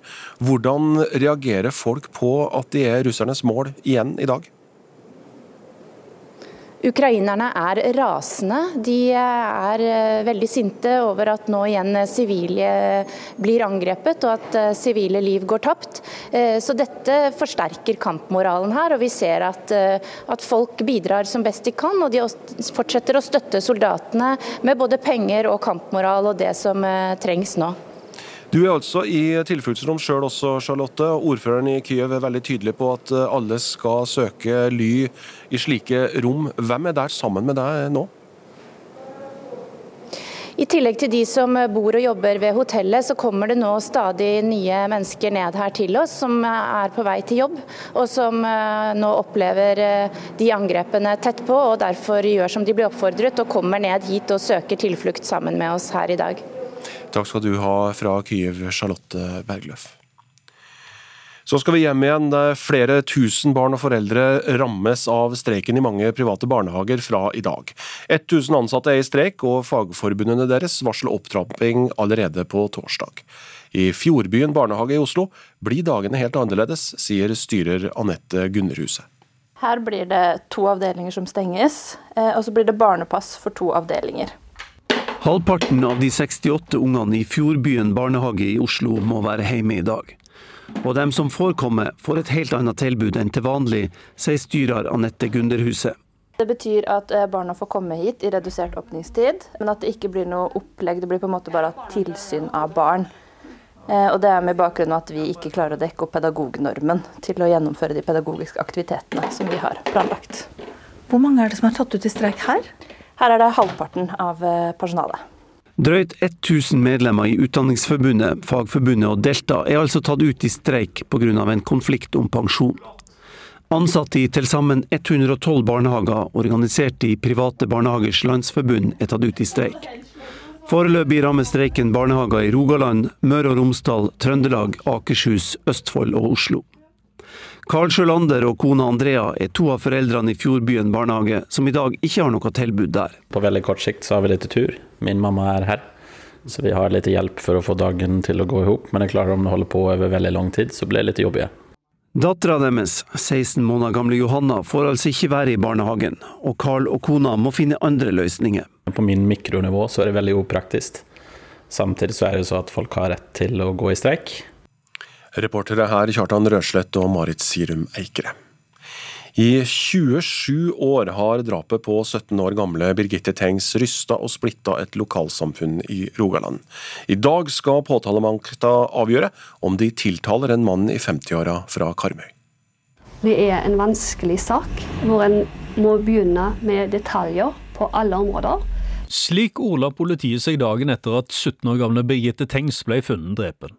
Hun ble sist sett i live natta den 6. mai 1995, da hun gikk inn i en bil i Kopervik sentrum i Karmøy. Fetteren til Birgitte tilsto først drapet og ble dømt i tingretten. Så trekte han tilståinga og ble frikjent i lagmannsretten. Påtalemakta er nå klare på at fetteren ikke lenger er mistenkt for å stå bak drapet. Og i 2016 oppretta Kripos ei Cold Case-gruppe med Espen Erdal som leder. Birgitte-drapet ble første sak. Det har vært utvikling innenfor eh, teknologi, innenfor etterforskningsmetodikk. Gjennombruddet kom i 2019, da et laboratorium i Østerrike fant DNA-spor på ei strømpebukse til Birgitte. DNA som samsvarte med en mann tidlig i 50-åra fra Karmøy. Han ble arrestert 1.9 i fjor og har siden sett i varetektsfengsel. I dag skal påtalemakta fortelle om de har nok bevis til å tiltale mannen. Skjer det, starter rettssaka den 31. oktober. Sa reporter Ingvald Nordmark. En mann i 40-åra mista livet i en brann i en kommunal flermannsbolig i Mjøndalen i Buskerud i natt. Tre personer kjørte sykehus i politiet. Årsaken til brannen er ikke kjent. I Minneapolis i USA var det 17. mai-stemning hele helga da dronning Sonja kom på besøk. Norske amerikanere i alle aldre jobber hardt med å holde både på det norske språk og, an og andre tradisjoner.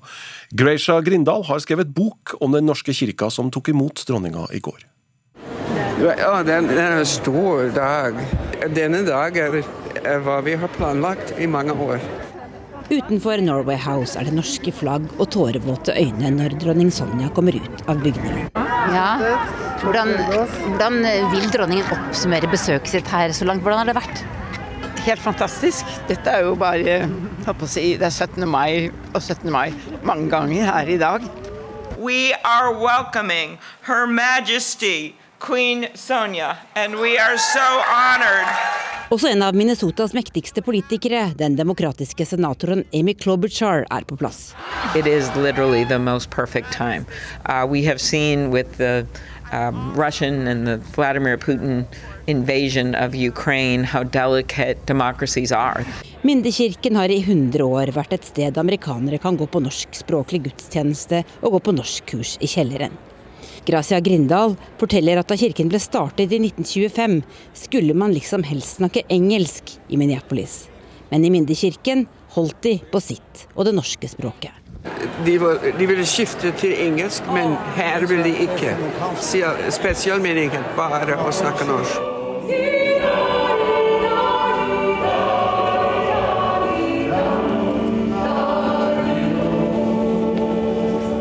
USA-korrespondent Tove Bjørgaas rapporterte fra Minneapolis.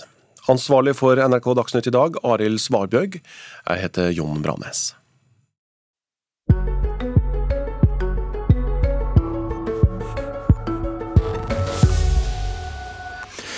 Halvparten av alle utdannede medisinstudenter, altså de som er ferdig utdannet, blir stående i kø for å få plass på det som vi pleide å kalle turnustjeneste, og nå heter det LIS1 plass. Og det er tema nå i Nyhetsmorgen før Politisk kvarter om noen minutter. Men på tross av dette så vil regjeringen i neste års statsbudsjett kutte 31 av disse plassene. Det er avisen Krono, avisen for høyere utdanning, som har skrevet om dette, og vi skal møte én student som mener dette vil forverre fastlegemangelen. Det oppleves jo ganske bak mål og meningsløst at man kutter i noe som eh, medisinstudentene og Norsk, Norsk medisinstudentforening og Legeforeningen Eh, ser behovet for. Da. Ja. Så egentlig ganske, ganske oppsiktsvekkende, syns vi rett og slett. Sara Saroya Eriksen er snart ferdig med et langt studentliv som medisinstudent i Bergen. Nå er målet å få seg LIS1-stilling. Dette er første del av spesialistløpet for leger, som i 2017 erstatta den gamle turnustjenesten. Men nå frykter Eriksen at det blir vanskeligere. I neste års statsbudsjett vil nemlig regjeringa stoppe opprettelsen av 31 nye slike plasser. En har jo lyst til å, å, få brukt eh, ressursene sine og, og, den kunnskapen man har tilegna seg eh, etter endt utdanning, da. Mm, og ikke ende opp i en LIS1-kø, på en måte. da. Kampen om LIS1-plass er hard, og mange ferdigutdanna medisinstudenter ender opp med å få avslag. Studenten fra Førde synes kuttene er et stort paradoks, all den tid Norge sliter med stor legemangel. Og så har vi på en måte fastlegekrise og allerede problemer med rekruttering av spesialister. Så det er på en måte en flaskehals der som man ikke, ikke løser med, med det kuttet i statsbudsjettet. da. En av plassene der det nå blir kutt i nye LIS1-stillinger, er i Helsefonna. Det forteller HR-direktør Helga Stautland Onarheim. Konkret for Helse Fonna så betyr det at vi får en mindre LIS1-lege, som vi skulle fått i, mars. Og der hadde vi lagt et uh, utdanningsløp for denne i, i barne- og, ungdomspsykiatrien. Uh, og den uh, kommer da ikke på plass. Hun vil ikke kritisere budsjettforslaget, men håper de snart får ansett sånn som de har tenkt. Så vi vil jo håpe og tro at den satsinga som da en har starta på, at den kan takes opp igjen fortest mulig, slik at vi kan eh, utdanne gode leger framover. Spesielt der som det er rekrutteringsutfordringer. Kritisere budsjettforslaget vil derimot Kristin Utne i Yngre legers forening. Egentlig så opplevde jeg det som helt absurd. Eh, fordi man i statsbudsjettet snakker om å styrke psykiatri og allmennmedisin, og det er jo akkurat de fagene vi mangler spesialister i. Og hvis vi skal ansette flere spesialister, så trenger vi at legene kommer seg gjennom LIS1, sånn at de kan begynne spesialisering i nettopp de områdene. Det at det står leger i kø og ikke kommer i gang med spesialisering, bidrar ikke til å styrke områder hvor vi trenger spesialister, og det er problemet. I tillegg til at nyutdanna leger blir gående uten å komme inn og bidra inn i helsetjenesten i en periode hvor vi har mangel på helsepersonell i veldig mange fag. Men fra Helse- og omsorgsdepartementet er det lite støtte å hente. Statssekretær Ole Henrik Krat Bjørkholt fra Arbeiderpartiet viser til at de har økt tallet på LIS1-stillinger de siste to årene. Jeg understreker at dette er kjempeviktig for regjeringen eh, å utdanne nok LIS. Det er jo økt eh, opp til 1120 LIS1-plasser per år nå, som er 200 mer enn for to år siden. I årets statsbudsjett måtte de likevel kutte bl.a. for å finansiere 690 ekstra millioner til fastlegeordninga. I dette veldig stramme budsjettet så ble vi nødt til å prioritere eh, akuttiltak rettet mot fastlegeordningen. Og da var dette et av de gode tiltakene som vi kunne tenke oss å prioritere, som vi ble nødt til å nedprioritere. Jeg forstår ikke helt logikken bak å, å, å ha en sånn flaskehals. Da. Det kan verken være eh, godt for pasienter eller samfunnsøkonomisk. da sa Sara Soroya Eriksen, snart ferdig med legestudiene og venter på LIS1-plass, som turnustjenesten heter. Reportere var Olav Rørli, Arne Frank Solheim og Live Wold.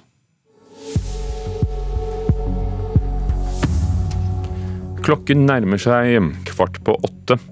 Blant hovedsakene i Nyhetsmorgen i dag er eh, eksplosjonene i Ukrainas hovedstad Kiev. Nå for ti minutter siden sier eh, ordføreren der Vitalij Klitsjko at det har vært ytterligere to eksplosjoner etter de som var først. Og flere tusen barn og foreldre i Norge vil rammes av streik i private barnehager i dag. Men nå, Politisk kvarter, Astrid Randen er klar.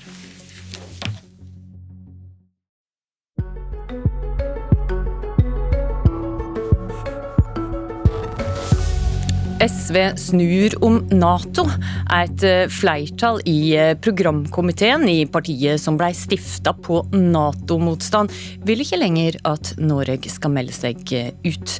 Og Høyre vil ha breie forlik og mer samarbeid med regjeringa. Vi tror ikke helt på dem, svarer regjeringa.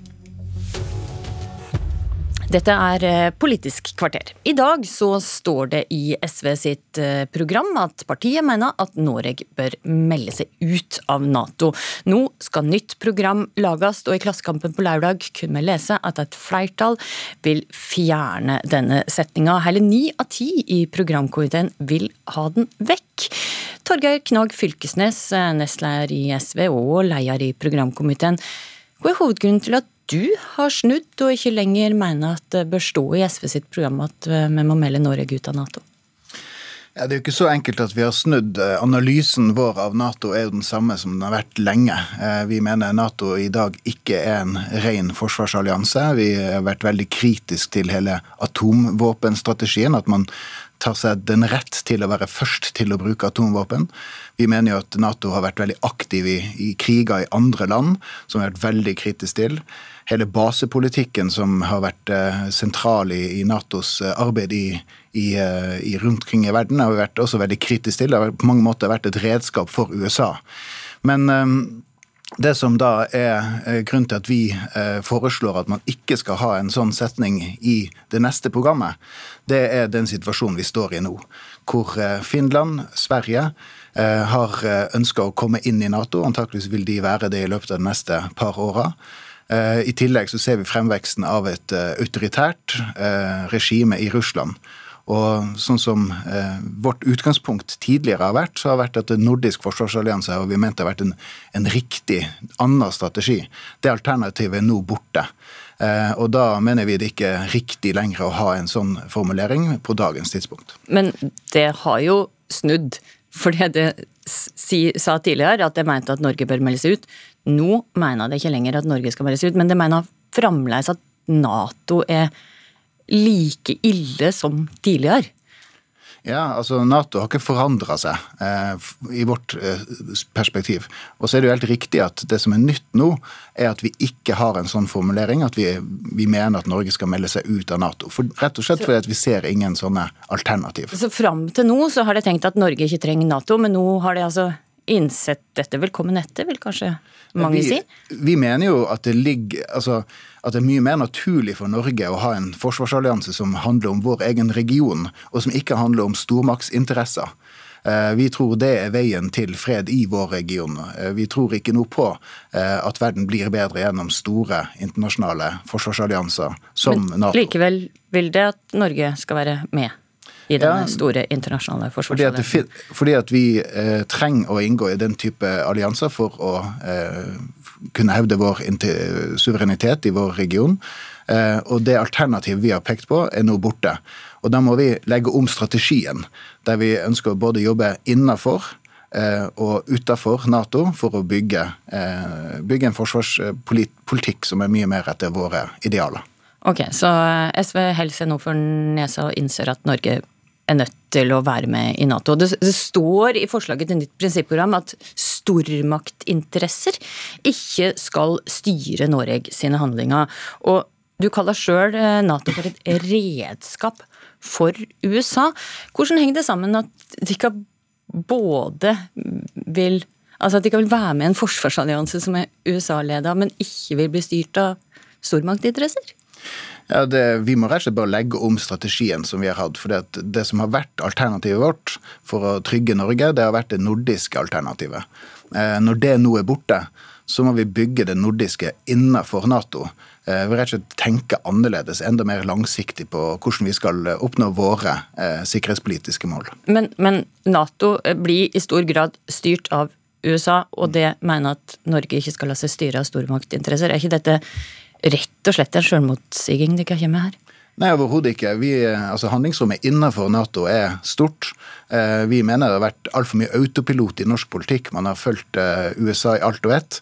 Det er fullt mulig for land som Norge eh, å ta til orde for en annen sikkerhetspolitisk strategi, der man ikke legger opp til at man skal være ute, altså man skal drive kriger utenfor regionen man skal forsvare, at man ikke skal ha atomvåpen som hovedstrategi osv. Så Sånt her er fullt mulig. Det er politikk okay, som så- man kan forandre. Så hvis jeg forstår det rett, så mener du altså at det er urealistisk å erstatte for Norge å erstatte Nato med noe annet, men det er realisme i at Norge kan endre Nato innenfra?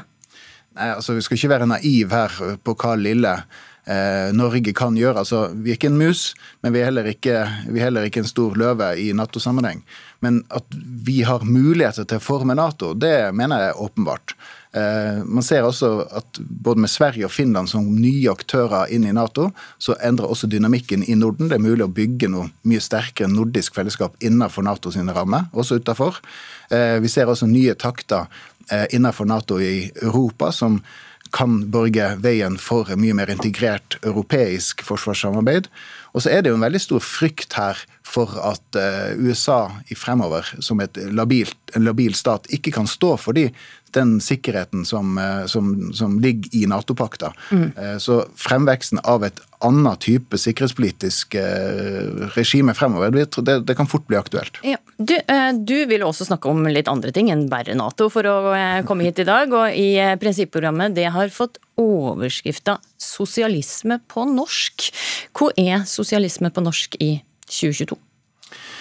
Sosialisme på norsk, eh, altså det er jo det hele prinsipprogrammet søker å besvare. Eh, men for meg så er sosialisme på norsk eh, et om å organisere samfunnet med minst mulige sosiale forskjeller. Vi tror det er veien til eh, demokrati, til frihet, til eh, økologisk bærekraft. Um, og vi ønsker ikke et samfunn som organiseres med formål om privat berikelse, der det er kapitalens eh, mål om uendelig vekst som er uh, hovedmålsettinga, og der uh, folk underlegges ulike typer systemer. Så i sum så er på mange måter sosialisme på norsk inn i vår tid Det handler om å ta vare på det som jeg tror kanskje de aller fleste mener er det beste i vårt samfunn, som handler om fellesskap, sterke fellesskap som tar vare på hverandre. Ok, tusen takk, Torgeir Knag Fylkesnes. Hør Politisk kvarter som podkast når du vil i appen NRK Radio. Om ikke dette er tida for samarbeid over blokkgrensene og breie forlik, så forstår jeg ingenting. Dette skriver du i en kronikk i VG, Henrik Asheim, nestleder i Høyre. Hva er det som gjør at du etterlyser eh, samarbeid på tvers av blokkgrensene akkurat nå? Ja, dette var jo en markering av regjeringens ettårsdag som var på fredag, hvor jeg skrev denne kronikken. og Det er jo fordi etter at vi fikk regjeringsskiftet, så hadde vi først en oppblomstring av pandemien. Så begynte den blodige, alvorlige krigen på vårt eget kontinent. Samtidig som prisene stiger, kraftkrisen er reell. Og da har jeg egentlig etterlyst en regjering som er litt mer imøtekommende med Stortinget, og som også søker brede forlik på mange av de sakene som folk er opptatt av å ha forutsigbarhet rundt. Men hvordan vurderer du regjeringa sin, sin holdning til samarbeid med opposisjonen på Stortinget nå? Nei, Vi har jo opplevet som det største opposisjonspartiet, riktignok på andre siden av blokkgrensa, da, når vi har invitert til forlik og brede enigheter, enten det var om lønnsstøtte til bedriftene under pandemien, så ble det tydelig avvist av regjeringen. Da regjeringen la frem en pakke om Ukraina-krigen, så sa vi vi kan sikre flertall for denne pakken uten forhandlinger for å unngå spill og at ting tar tid. Det avviste regjeringen og satte seg et rom med SV. Og når vi nå ser på kraftpolitikken, hvor man har vært veldig opptatt av sine virkemidler og sin måte å gjøre det på, istedenfor å se hvordan kan vi lage en bred, forutsigbar politikk på noe av det som opptar folk aller mest akkurat nå. Men dette er vel egentlig ganske lett å si for et opposisjonsparti, og kanskje litt vanskeligere i praksis. Er, det, er Høyre villig til å legge vekk egne standpunkt for å komme regjeringa i møte? Ja, altså Noe av det som kjennetegner en krise eller alvorlig situasjon, det er at vi er jo egentlig norsk politikk enige om veldig mye av målene, og så må vi diskutere virkemidlene. og Jeg opplever altfor ofte at regjeringen ikke bare avviser det å i det hele tatt komme opposisjonen på møte på virkemidler for å nå de målene, men når det blir vanskelig, så har regjeringen en tendens til å forsvinne. Dvs. Si statsrådene dukker ikke opp når de skal forsvare f.eks. sine egne statsbudsjettprioriteringer. Da, når det blir vanskelig, så kommer det veldig ofte en statssekretær i studio istedenfor. Og det har vi faktisk her i dag også. Vegard Harsvik, du er statssekretær for eh, Arbeiderpartiet på statsministerens eh, kontor. For ta den først, da. Hvorfor er det en statssekretær som svarer, og ikke en statsråd? Eh, dette er jo en regjering som er opptatt av å søke brede løsninger der det er naturlig å søke brede løsninger. Og så beklager jeg jo til Asheim at det ikke er min sjef, statsministeren, som sitter her i, her i dag. Eh, ellers lamslått av å få lov til å sitte i samme rom som selveste Henrik Asheim. Eh, noen ville kanskje brukt ordet om pompøs eh, om en sånn kritikk av at man ikke hele tiden får møte statsråder. Men eh, jeg vil ikke bruke de ordene okay. Eh, som, som, det heter. Men, men, men vil du strekke ut ei hånd da til Asheim, som sier her at han ønsker flere forlik og mer samarbeid. Er du, er du villig til å komme han i møte? Så vi, vi har jo vært opptatt av eh, å søke brede løsninger. Og det vil jeg jo si er særlig en styrke for Norge i saker som angår ja, sikkerhetspolitikk og forholdet vi har til utlandet i den svært krevende situasjonen som vi står oppe i. Eh, og Der eh, vil jeg gi honnør til Høyre og de fleste andre partier på Stortinget som eh, har vært med på å slutte opp under den linja som, som regjeringa nå har valgt. Eh, og at vi står sammen i den meget alvorlige situasjonen. Så har vi andre saker der vi også har vært opptatt av å forankre, ting bredt. Eh, strømstøtte til bedriftene hadde vi jo bredt forankra med partene i arbeidslivet. og vi har jo nå f.eks. en prosess på pensjon der vi skal bygge en enighet eh, om videreføring av pensjonsforliket. Så det du mange, mener at vi har et godt som, samarbeid med, med ja, opposisjonen på Stortinget? Det er jo noen saker der man rett og slett er, er uenig. Altså, vi må huske på Det er jo bare ett år siden folket sa ganske så kraftfullt nei til eh, den politikken som Asheim og hans parti eh, hadde ført i, i åtte år. Eh, og Jeg opplever ikke at det er noe rop i befolkninga etter eh, massive skattekutt til de som har mest fra før, eh, en svekkelse av tryggheten i arbeids, arbeidslivet, mer eh, sentralisering. Så vi har fått et mandat fra velgerne til å føre en annen politikk på mange viktige områder. og jeg ser det mange som, som, mener at Høyre i det siste har lagt seg til en vane der man kommenterer regjeringas politikk istedenfor å fremme sin eh, egen politikk. Eh, og Asheim skriver en kronikk i landets eh, største avis uten å komme med egne politiske, politiske løsninger. Asheim, du kommenterer i stedet for å komme med egne løsninger, hevder Harsvik her? Nei, altså Jeg må bare først få adressere det at eh, det er ikke Høyre-politikere som har lyst til å møte statsråder. Vi møter gjerne statssekretærer. Jeg sier at jeg tror folk etterlyser regjeringen. Jeg tror folk spør hvor er utenriksministeren, hvor er forsvarsministeren og hvor er statsministeren når verden er i krig, og jeg til stadighet sitter og hører helt andre dukke opp for å forsvare regjeringens politikk. Så til at Høyre ikke har egne forslag. Altså Høyre har fremmet 60 egne forslag på energipolitikk. Vi kunne gjerne satt oss ned med regjeringen og funnet felles løsninger, men det ville ikke dere. 30 av de forslagene ble vedtatt i Stortinget fordi de andre partiene ble for, og dermed så måtte også regjeringspartiene stemme for. Vi har lagt frem 80 forslag på ny eldrepolitikk i Stortinget. Vi har lagt frem en kraftfull pakke på ungdomsskole, på videregående skole. Vi foreslår politikk hele tiden. Men mitt poeng er at jeg syns egentlig det er ganske illustrerende. Jeg har skrevet en kronikk hvor jeg sier at jeg savner at regjeringen tar ansvar, at statsrådene møter opp, at de virker samlende på opposisjonen i en krisetid. Og så sender de statssekretær Vegard Harsvik for å fortelle at egentlig så tapte vi valget, så vi har ikke noe å si. Og det er en veldig dårlig måte å styre på. Det er helt riktig, de vant valget for et år siden, men det har skjedd veldig mye siden den tid. Og det å vise litt sånn ydmykhet, og ikke minst for velgerne, at vi ønsker brede forlik og forutsigbarhet nå, det hadde kledd en regjering uansett om den var rød eller blå. Det har jo bl.a. skjedd litt på målingene også, eh, Harsvik? Ja, det, har det, det er en måling i dag som viser f.eks. sterk støtte til eh, de grepene som vi har gjort eh, i budsjettet. Høyre de er som- større Det var ikke akkurat den målinga jeg tenkte på. Jeg tenkte på de målingene som viser at Høyre er større enn Arbeiderpartiet og Senterpartiet til sammen. Men det er viktig for oss å få en diskusjon som handler om de faktiske politiske sakene, de faktiske politiske veivalgene. Vi har lagt fram et statsbudsjett eh, som er både kraftig omfordelende, eh, og som eh, tar tak i de aller, aller viktigste utfordringene vi, vi har. Eh, for å legge grunnlaget for at vi får kontroll med prisstigning, eh, og at renta ikke vokser eh, vanlige folk overhodet. over hodet. Eh, mens Høyre går på tivoli og er opptatt av at de ikke får lov til å diskutere med, med Høyre, Høyre statssekretæren. går på tivoli, hva da? Det var det siste ordet. Slik snakker statsbarna i krig i Europa. De kommer med dette med flåsete angrep. Eh, Takk, Henrik Asheim. Takk, Vegard Harsvik. Politisk kvarter var Astrid Randen. Du har hørt en podkast fra NRK. De nyeste episodene hører du først i appen NRK Radio.